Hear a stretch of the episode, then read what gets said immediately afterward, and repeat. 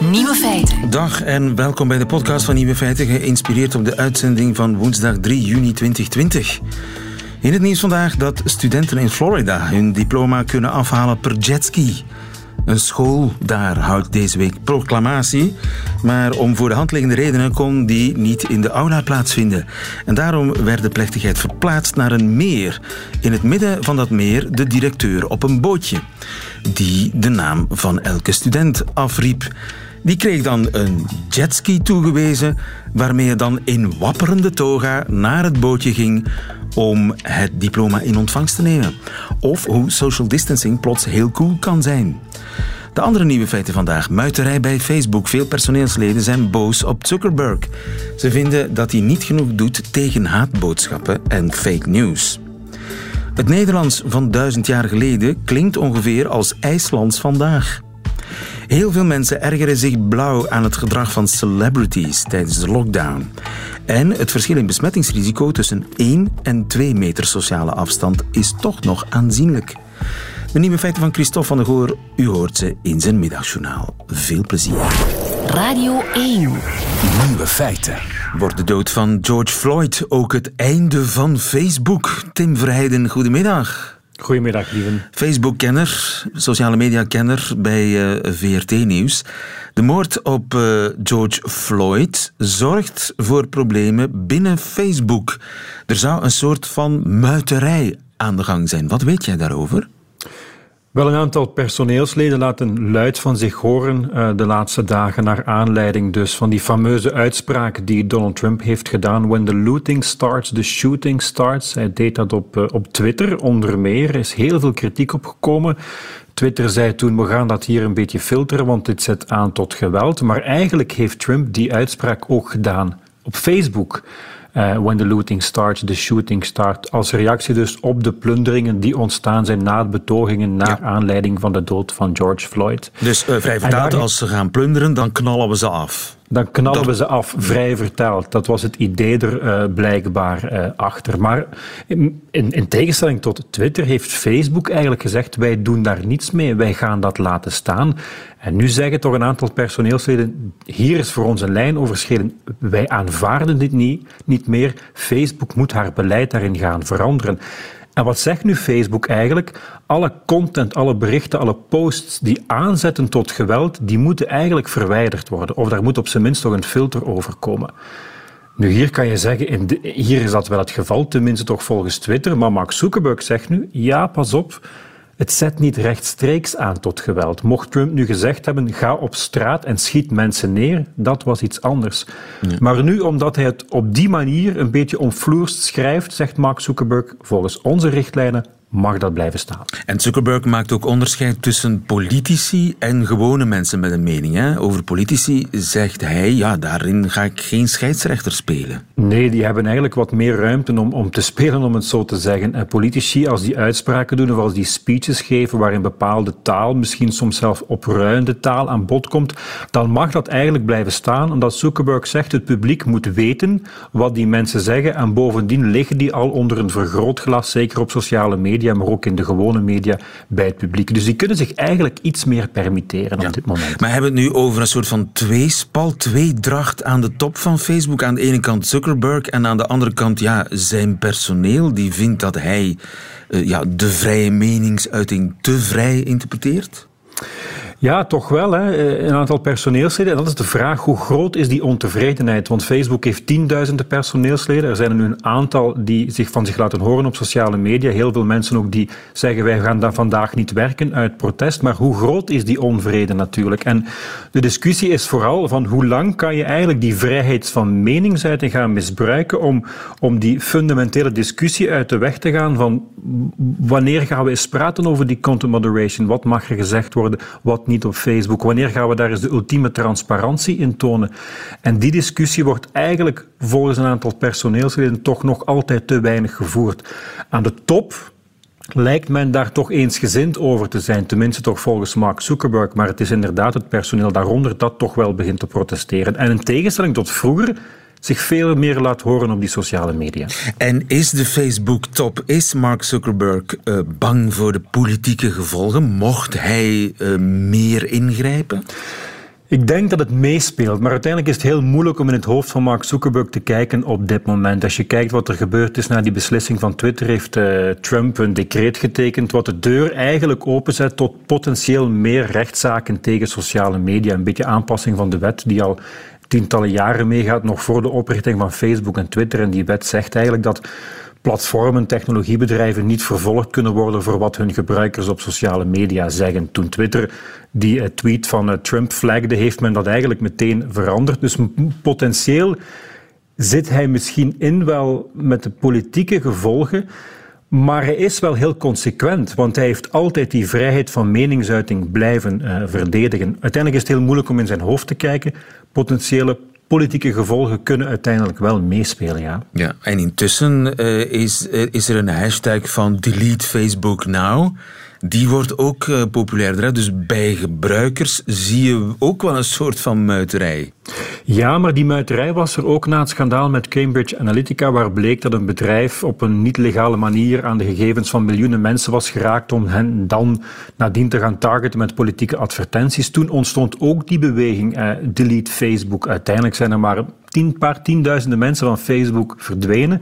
Er zijn nog elke maand 2,5 miljard gebruikers op Facebook, wat gigantisch is natuurlijk. Dus ik heb, mijn aanvoelen is dat dit zeer veel ontevredenheid veroorzaakt. En nog maar de discussie heel scherp zet en heel veel kritiek voor Mark Zuckerberg en Facebook. Maar dat dit misschien nog net geen kantelpunt gaat zijn. Ik denk wat er de komende maanden gaat gebeuren richting presidentsverkiezingen in Amerika en hoe Facebook dan de desinformatie, de potentiële buitenlandse inmenging in die verkiezingen, fake news en andere zaken, dat gaat aanpakken, dat dat misschien wel nog eens een groter kantelpunt zou kunnen zijn. Maar het vergrootglas is nu alweer gericht op Facebook, dat is wel duidelijk. Ja, maar de echte rekening zal gemaakt worden na de presidentsverkiezingen. Dan zal gekeken worden van ja, waar zit de verantwoordelijkheid van Facebook in deze? Ja, zeker. Twitter ook.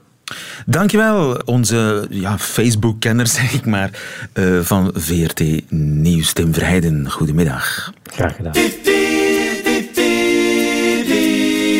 Nieuwe feiten. Radio 1. Hoe zou Radio 1 hebben kunnen klinken duizend jaar geleden? Willy Kumo Anarotta. Ik ben Thorperi Hiera Anarotta Heimi. We heet ons Jusa Arotta, want de siu is donker en die rotta. Nee, nee, nee, voor alle duidelijkheid, zo lang bestaan we nog niet. In 1930 is het NIR pas begonnen. U hoorde de stem van Peter Alexander Kerkhoff, historisch taalkundige, die een reconstructie heeft gemaakt van het gesproken Oud-Nederlands. Goedemiddag, Peter Alexander. Goedemiddag. Is dat de eerste keer dat iemand dat geprobeerd heeft om de klank van het Oud-Nederlands te reconstrueren? Uh, de, de, reconstructie van het Oud-Nederlands uh, is al wel eens eerder gedaan, maar nog nooit langer dan 30 seconden. Oké, okay, uh, je, je, hebt een volledige reportage gemaakt over Rotterdam hè, in het Oud-Nederlands. inderdaad, dit is een vijf minuten durend filmpje met Oud-Nederlandse vertelling over de 11e eeuwse terp van Rotterdam. Ja, en dat heb je zelf geschreven en zelf ingesproken. Uh, dat schrijven, daar kan ik me nog iets bij voorstellen. Er zijn wel een paar teksten bewaard gebleven hè, uit het Oud-Nederlands. Ja, dat is correct. Maar hoe dat um, dan klonk, dat blijft toch een geweldige gok. Dat klopt niet helemaal, want we moeten ons natuurlijk realiseren dat um, uh, de schrijfwijze uit de middeleeuwen de middeleeuwse schrijfwijze van het Nederlands is natuurlijk gebaseerd op het, de uitspraak van het Latijnse alfabet. Het Latijnse alfabet werd daarvoor gebruikt en er golden regels in de kloosters over hoe die klanken uitgesproken moesten worden, over hoe die, uh, letters uitgesproken moesten worden. Dus in zekere zin ligt dat systeem van die Latijnse letters plus een uitspraak ook ten grondslag aan hoe het Nederlands uitgesproken moest worden. Oké. Okay. Het klinkt ja. een beetje als IJslands, hè? Want hiera zijn vilo visco. Litila visca, zoals zo grondelink, padalink en die lampreten, zie je wie fangon met neton, weron en die fulklon. Maar ook visco vilo mikila, zoals zo sturi en die salm. Sturi viski. Visca, allemaal Visca. Het klinkt een beetje Scandinavisch. Dat klinkt, ja, er, zit in, er zit inderdaad een, uh, een beetje een Scandinavische klank in. Dat heeft ermee te maken dat er uh, volle klinkers in onbeklemtoon lettergrepen kunnen staan. Uh, dat heb je in het Zweeds, heb je dat nu nog steeds. Het klinkt ook misschien een beetje Italiaans, heb je dat ook. Um, veel meer maar het, klanken, veel ja? meer klinkers. Hè. In, in, in het Zweeds zeg je betala. Wij zeggen betalen. Al die eeuwige doffe e van het Nederlands. Inderdaad, een duizend jaar geleden had je nog in dat Oud-Nederlands van die volle klinkers. En waar spraken ze eigenlijk Oud-Nederlands? Uh, het Oud-Nederlands uh, werd uh, in de vroege middeleeuwen tussen de 7e en de 12e eeuw gesproken in, in een groot gedeelte van België, een stukje van Noord-Frankrijk en het zuidelijke deel van Nederland. En het noordelijke deel van Nederland, wat spraken ze daar? Aan de kust sprak men, over de hele kust tot en met Vlaanderen sprak men Fries. En het noorden van Nederland, uh, ja, aan de kust ook Fries, maar meer landinwaarts, uh, richting uh, Arnhem en Nijmegen. ja, daar werd toch ook al gauw Saxisch gesproken. Jeetje, dus er werd Fries gesproken aan de huidige Belgische kust? Jazeker, ja, ja. dus de hele Noordzeekust, zeker tot en met Vlaanderen. Uh, daar werd een uh, vroege variant van het Fries gesproken. Uh, maar in Gent spraken ze dan ook dezelfde taal als in Rotterdam? In Gent ongeveer wel. Ja, in Gent, Gent zal zeker in de vroege middeleeuwen al oud-Nederlands gesproken zijn. Ja, maar... er moet wel bij gezegd worden dat vlakbij Gent ook al Fries werd gesproken toen. Want er zitten enkele plaatsnamen rond Gent die zonder twijfel eigenlijk de Friese klankstand laten zien. Zoals? Zoals bijvoorbeeld uh, het plaatsje Muiden. Uh, volgens mij ligt dat ten noordoosten, noordwesten van, van Gent. Ja, dat is eigenlijk uh, nog redelijk centrum Gent, de Muiden. Dat is een onderdeel van Gent, maar inderdaad noordoost van, ja, van, van de oude een, stad. Dat is, een, ja, dat is een Friese naam, want de Nederlandse vorm van die naam zou Monde geweest zijn. Juist, ja.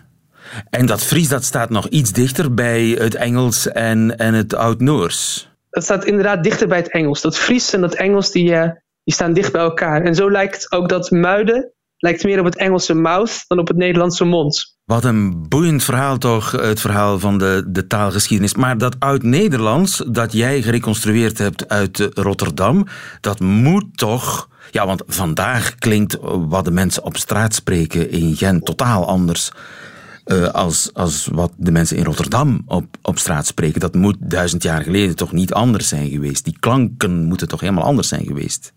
Uh, nou, toen duizend jaar geleden, toen uh, was er nog minder variatie tussen de verschillende gebieden waar Oud-Nederlands werd gesproken. Dat is raar. en dat is ook. Nou, dat, er zijn een aantal dingen dat je, wat je daarbij moet bedenken. Namelijk één, er waren nog minder mensen. Uh, die sowieso zeg maar, in de lage landen woonden. Dus die uh, gemeenschappen uh, die waren kleiner. Die taalgemeenschappen die onderhielden natuurlijk ook gewoon veel banden met elkaar. Dus er zijn minder mensen dan nu. Dat is één factor, zou ik zeggen. En de, de tweede factor is dat vroeger die talen ook minder tijd hadden gehad om uit elkaar te groeien. Dus die talen stonden sowieso nog dichter bij elkaar. Je hoort ook hele rare tweeklanken. Samana hebben ze het land opgeworpen en die hier Hova gemaakt. Hova. En het ja. the hoorde ik, de Engelse the. Inderdaad. Die Engelse the, dat is een uh, kenmerk, kenmerkende klank die uh, het Oud-Nederlands nog had. Die is pas in de 12e eeuw is die uit de Nederlandse taal verdwenen. En uh, um, wanneer zijn we al die rare wa en andere twee klanken kwijtgespeeld? Uh, ja, ook ongeveer in de 12e eeuw zijn een aantal van die twee klanken, zoals de oe, uh, zijn uh, de oe geworden. En de ie is toen de lange i geworden. dus deze klankveranderingen die dateren we allemaal een beetje in het midden van de 12e eeuw, wanneer we flink op weg zijn naar uh, het Middel-Nederlands, naar de taal van Karel en de Elegast ja. en uh, van Den Vos Reinaarden. En is dat luiheid, dat we al die ja, rijke klanken hebben ja, platgewalst? Is dat uit een soort van gemakzucht? Nou, de, de verandering van uh, twee klanken naar één klank niet zozeer. je kunt je natuurlijk bijvoorbeeld ook bedenken dat heel veel Nederlandse dialecten nog steeds uh, van dit soort uh, twee klanken hebben. Ja, dus in Antwerp zeg je volgens mij nog steeds dood. inderdaad, en de West-Vlamingen doen niet onder wat dat betreft qua rare, rare twee klanken. Of alien voor Al alleen. Ja, ja. inderdaad. Ja. Um, maar het afzwakken van de onbeklemtoonde lettergreep in een doffe e-klank, dat heeft er wel iets mee te maken dat dat natuurlijk makkelijker is. Want de, uh, het Nederlands heeft altijd één flink beklemtoonde lettergreep in, in, uh, in een woord. Die draagt dan de meeste nadruk. En als gevolg zwakken de andere lettergrepen dan af. Juist, ja. En andere talen, zijn andere talen ook aan zoveel veranderingen onderhevig? Is het Engels van toen ook zoveel veranderd? Uh, het Engels is misschien nog wel meer veranderd in, uh, in deze periode. Het Engels heeft natuurlijk toen uh, in 1066 is Willem de Veroveraar daar binnengekomen. En is men een lange periode van tweetaligheid ingegaan, waarbij het Normandisch-Frans een grote rol heeft gespeeld. In het noorden waren ook nog vikingen binnengekomen. Dus het Engels is in dezelfde periode waarin het Nederlands van het Oud-Nederlands naar het Middel-Nederlands is gegaan, is het Engels misschien nog wel drastischer veranderd. Jouw uh, filmpje is 200.000 keer en meer al bekeken, dus aan belangstelling geen gebrek. Gefeliciteerd in uh, Nederland voor ons Peter Alexander Kerkhoff. Dankjewel, goedemiddag. Goedemiddag.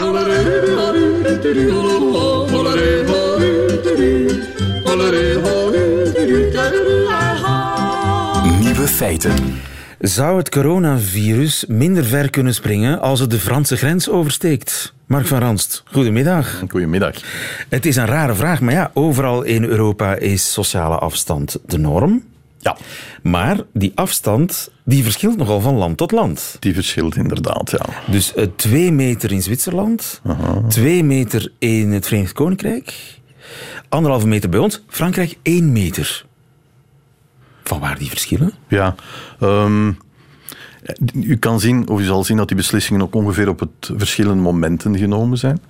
Um, een paar jaar geleden dan, dan dacht iedereen nog één meter, dat is voldoende. En, en oh ja, voor het grootste deel van de druppeltjes is dat ook voldoende. Uh, natuurlijk, wanneer je zes meter zou nemen, dat is dan uiterste voorzorg. Uh, misschien gaan we, daar, uh, gaan we daar ooit nog wel naartoe, maar dan, dan kan je ook bepaalde dingen niet doen. Dus dan moet je daar een beetje een compromis zoeken tussen wat is virologisch veilig en wat is in de maatschappij ook nog compatibel met, met enigszins normaal ja. met elkaar omgaan. En, en dan is die anderhalve meter een, een, soort van compromis tussen die meter en die twee meter. Ja, de Wereldgezondheidsorganisatie heeft nog altijd over een meter. Dat klopt, dat, uh, maar ze zullen dat ook wel aanpassen, denk ik. Maar is dat een beetje natte vingerwerk? Want er is nu een nieuwe studie, net gepubliceerd, over ja, het verschil in ja, besmettingsgraad ja. per centimeter, bij wijze van spreken. Ja. En uh, hoe zat het ook alweer? Daar blijkt toch echt wel dat bijvoorbeeld een meter afstand heeft een risico van 13 procent. -huh. Een meter, 13, 13 procent is ja, niet veel, maar ook niet, niet echt weinig. Twee meter, nog maar 3 procent. Het verschil is toch wel groot hè, tussen een meter en twee meter. Ja, dat verschil is een meter. ja, maar ik bedoel in besmettingsgraad 13 ja, en 3. Ja, en, en wanneer, dat, je nog, wanneer je nog verder gaat nemen, dan, dan gaat dat nog altijd kleiner worden. En dan moet je daar ergens een... Maar is 13% acceptabel? Um, in, in, België, wel, kijk, die cijfers... Dat is 13% voor alle duidelijkheid geldt voor 1 meter. Hè. Weet op ja. anderhalf, dus uh, dat zal er ergens tussen, ja, tussen de 3 en de 13 in zitten tussen de 3 en de 13 in, maar dichter bij de 3 dan bij de 13. Dat, uh, dat verloop is ook, uh, is ook niet rechtlijnig. Um, ja, je probeert ergens een compromis te maken wat, uh, wat doenbaar is. En ieder land probeert dat zo goed mogelijk, zo goed mogelijk te doen. Ja. Uh, en als we straks weer de grens over gaan kunnen, 15 juni, Duitsland, Frankrijk, uh, dat wordt dan uitkijken. Hè? Dan moet dan even heel goed checken wat de sociale afstand uh, ook al... Dat is toch raar eigenlijk? Hè? Wel, eigenlijk zou je daar een Europese aanpak verwachten. Ja, vele dingen zijn Europees genormeerd en ja. hier lukt ons dat niet. Dat toont heel duidelijk dat we nog altijd niet de Verenigde Staten van Europa zijn en dat waarschijnlijk ook niet onmiddellijk zullen worden. Tja. Uh, in die studie overigens is ook gekeken naar mondmaskers. Mm -hmm. En bij mensen met een mondmasker zou het risico op infectie of transmissie van het virus 3% zijn. Uh, wacht eens even. En 17% zonder mondmasker. Ja, je moet dat bekijken. Je moet die twee dingen met elkaar vergelijken. Afstand en mondmasker. Ja. Um, en dan kom je niet door die cijfers. Nu, is een studie die net gepubliceerd is. Um, iedereen gaat dat nog bekijken. Ook de Wereldgezondheidsorganisatie zal waarschijnlijk die 1 meter ook wel aanpassen naar, ik weet het niet, anderhalve meter, twee meter, wie weet. Dat, uh, dat staat ook niet in steen geschreven. Hetzelfde voor die mondmaskers trouwens. Daar heb je, daar heb je ook de verschillende richtlijnen en verschillende ja. ideeën over. En de kennis neemt toe. Uh, elke er, keer. Er wordt weer, uh, het wordt heel erg onderzocht en zo. Ja. Moeten, moeten we dan uh, onze inzichten bijstellen? Zijn mondmaskers veiliger dan we dachten? Beschermender dan we dachten? Alles hangt ervan af van hoe die mondmaskers gebruikt worden. Ja, in professionele omstandigheden, wanneer die deftig gebruikt worden, dan dan, dan ga je dat rendement halen. Um, wanneer dat door de algemene bevolking wordt gebruikt, is dat rendement duidelijk kleiner. Ja. Dan, uh, nu je toch uh, in de studio bent, leg ik jou ook nog een studie voor die gekeken heeft naar de invloed van de vochtigheidsgraad van de lucht. We zitten in een hele droge periode. Uh, en, maar daar, uit die studie zou blijken dat de, de vochtigheid eigenlijk de, het virus zou remmen. Klopt. Um, alle atmosferische invloeden, dus zowel temperatuur, zowel UV-licht, um, uh, als ook luchtvochtigheid, die, die, gaan dat al, die gaan allemaal bepalen van hoe ver kunnen die druppeltjes geraken en, en hoe lang overleeft dat virus. Dus al die dingen samen gaan maken van um, ja, wat is de invloed op het viruspartikel, hoe vlug dus gaat dat dood? Bij droge lucht blijft het virus langer zweven. Ja, dat is de theorie. Um, is dat ook de praktijk? Wel, in de praktijk ga je verschillende dingen hebben die, uh, die elkaar gaan tegenwerken. Het gaat misschien wat langer blijven zweven, maar dan heb je UV-licht die het gaat inactiveren. Dus je kan al die, al die parameters niet los van elkaar zien. In een laboratorium natuurlijk wel. Ja. Uh, in de praktijk niet. Wat men wel ziet, is dat coronavirussen in de winter het makkelijker hebben dan in de zomerperiode. In de zomer zien we in ons land weinig coronavirussen. In de winter zien we meer coronavirussen. Ja, maar, het maar dat heeft vele, vele factoren. Niet zozeer met luchtvochtigheid, want in de winter kun je, is, is de lucht dan in het algemeen droger of vochtiger? Dat hangt er ook vanaf, van ja. of het regenweer is of het vriest. Ja. Dus, dus uh, er zijn heel wat factoren om dat dus het, in, het is, in te De wisseling der seizoenen, daar kunnen we weinig uh, op hopen of op wanhopen. Dat maakt eigenlijk niet zo voor, voor zo, het huidige coronavirus. Pas op. Um, in de zomer zien we weinig coronavirussen, dus we hopen dat dat met dit coronavirus ook zo is en ja. dat uh, de neergaande curve die we nu zien, dat die, uh, dat die toch zeker in de zomermaanden bewaard blijft ja. en dat dat virus eventjes kan verdwijnen, indien mogelijk. Ja, helpt het weer op dit moment mee, denk je? Ja, ik denk het wel. Um, en dat ligt aan het UV-licht? Dat ligt eerder aan UV-licht. Um, natuurlijk is het heel moeilijk om te bestuderen, want we gedragen ook ons anders dan andere jaren. We houden meer afstand, we geven geen handen, we wassen onze handen veel meer. Uh, dus iedereen is er zich van bewust. We zien gewoon heel weinig. Um, luchtweginfecties op dit moment niet enkel met COVID-19, maar ook maag-darminfecties zien we minder. Dus wanneer we onze handen wassen en afstand houden, dan heeft dat ook invloed op, uh, op andere dingen. Goed, de Veiligheidsraad zit nog altijd bijeen. Wij wachten samen in spanning op wat zij beslissen daar. Ja. Dankjewel, Mark van der Hanst. Goedemiddag. Nieuwe feiten. Goedemiddag, Babette Monen. Goedemiddag. Overigens van de redactie van Nieuwe Feiten. Ik heb horen zeggen, ik kan het mijzelf nauwelijks voorstellen, maar ik heb het gehoord dat mensen zich tegenwoordig ergeren aan Lady Gaga. Klopt ja, dat?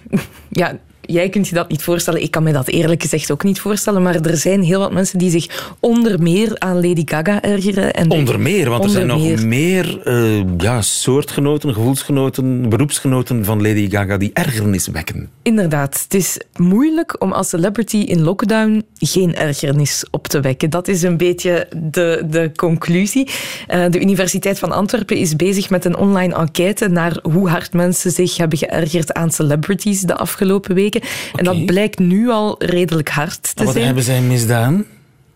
Eigenlijk niets, want ze zijn gewoon wie ze zijn. Ze zijn celebrities en je zou denken, zo'n lockdown, dat is voor iedereen gewoon hetzelfde. Je zit allemaal in hetzelfde schuitje, maar het is net dat dat een beetje vrevel opwekt als celebrities proberen te doen alsof ze in exact hetzelfde schuitje zitten. Jij zit daar in je 50 vierkante meter appartement met drie jengelende kinderen en zij zitten daar in hun riante villa met een zwembad en een eigen fitness en een inwonende nanny te zeggen dat ze in hetzelfde schuitje zitten als jij. En dat stoot veel mensen toch een klein beetje tegen de borst. Tegen de jaloerse borst. Eigenlijk is het dat vooral. Um, en je hebt dus verschillende manieren om met die lockdown om te gaan. Heel veel celebrities zeggen dat. Hè. We zitten in hetzelfde schuitje. Zo heb je bijvoorbeeld uh, deze meneer die je yeah, ongetwijfeld herkent. Taking a jacuzzi, smoking a little stogie. Just finished a bike ride and a little bit of workout.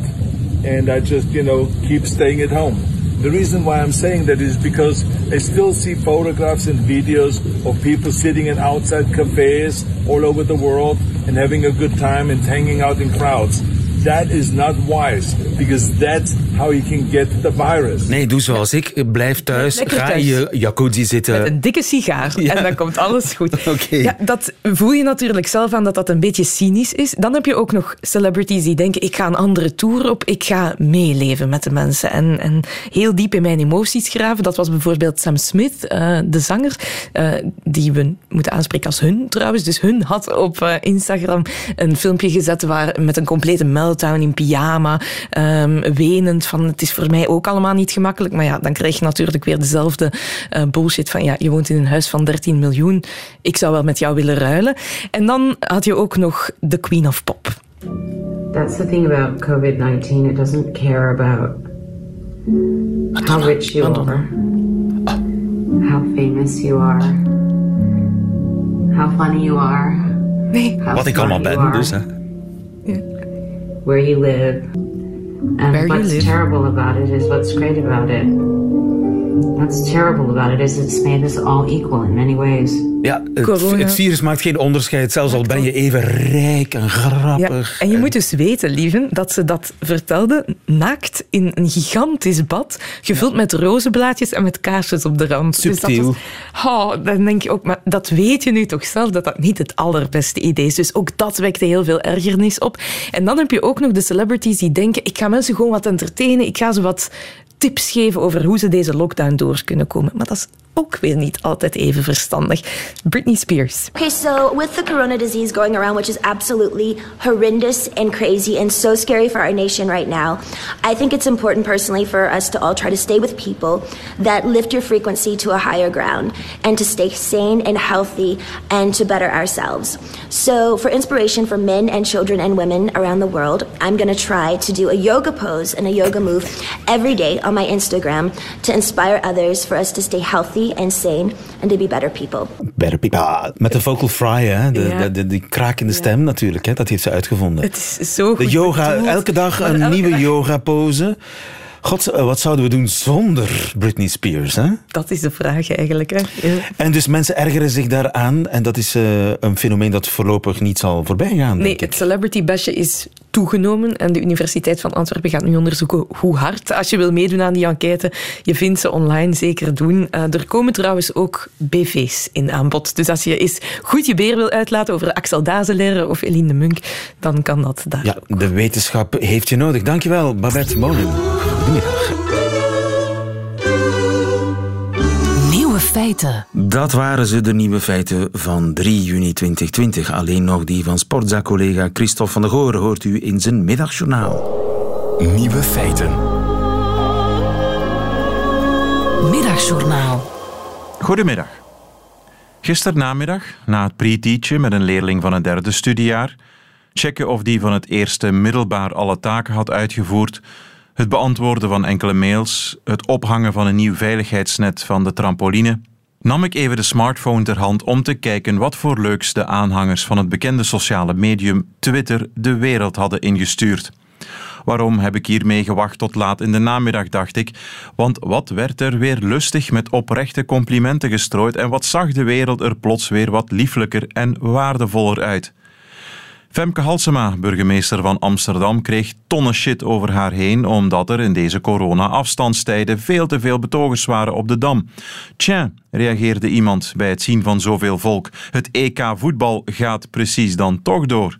Een streepje humor ten gepaste tijden kan nooit kwaad. Als ik mijn nieuwe voorstelling demonstratie noem, dan mag ik dus wel optreden voor een vol carré, voegde Freek de Jonge daaraan toe. Zoals gezegd, een streepje humor. Rick Torfs meldde dat we blijkbaar niet meer mogen kiezen hoe we leven, wonen en denken. We moeten dat aan experten overlaten. Expertise als de nieuwe weg om de democratie opzij te zetten. Waarop Mark van Ranst? Tja, Rick, vroeger vertelde de kerk ons hoe we moesten leven en denken. Dat waren nog eens tijden, hè? Diezelfde Mark van Ranst was hyperactief en vroeg Joël de Keulaar een van zijn beruchte brieven in de krant te schrijven. Ah ja, juist, dat heb je al gedaan. Er werd nogal gedemareerd gisteren op Twitter. Greet de Keizer verontschuldigde zich voor een cynische tweet over Donald Trump, die de Twitter-populatie niet als dusdanig had waargenomen. Tonnen shit over haar heen, ook zij. Freek de Jonge, daar is hij weer, riep op om te applaudisseren voor alle obers, de zogenoemde terrashelden, die toch wekenlang de strijd tegen lege glazen waren aangegaan. Hij hield de Twitterbalans in evenwicht. Tot ik een tweet zag van Nico Dijkshoorn, u wel bekend. Denk niet links, denk niet rechts, denk na. Met een knipoog uiteraard naar Frank Boeien, begin jaren 80. Hij liep daar in de stad, s'avonds laat. Plotseling aan de overkant zag hij ze staan. Iemand riep: Jij hoort niet bij ons. Mes, steek, pijn. Denk goed na aan welke kant je staat. Denk niet wit, denk niet zwart, maar in de kleur van je hart.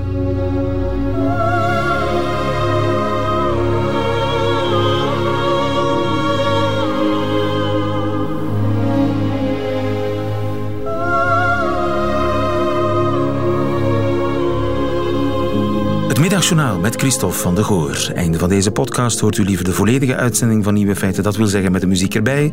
Dat kan via onze app of via onze site. Daar staan nog veel meer fijne podcasts. Radio1.be. Tot een volgende keer.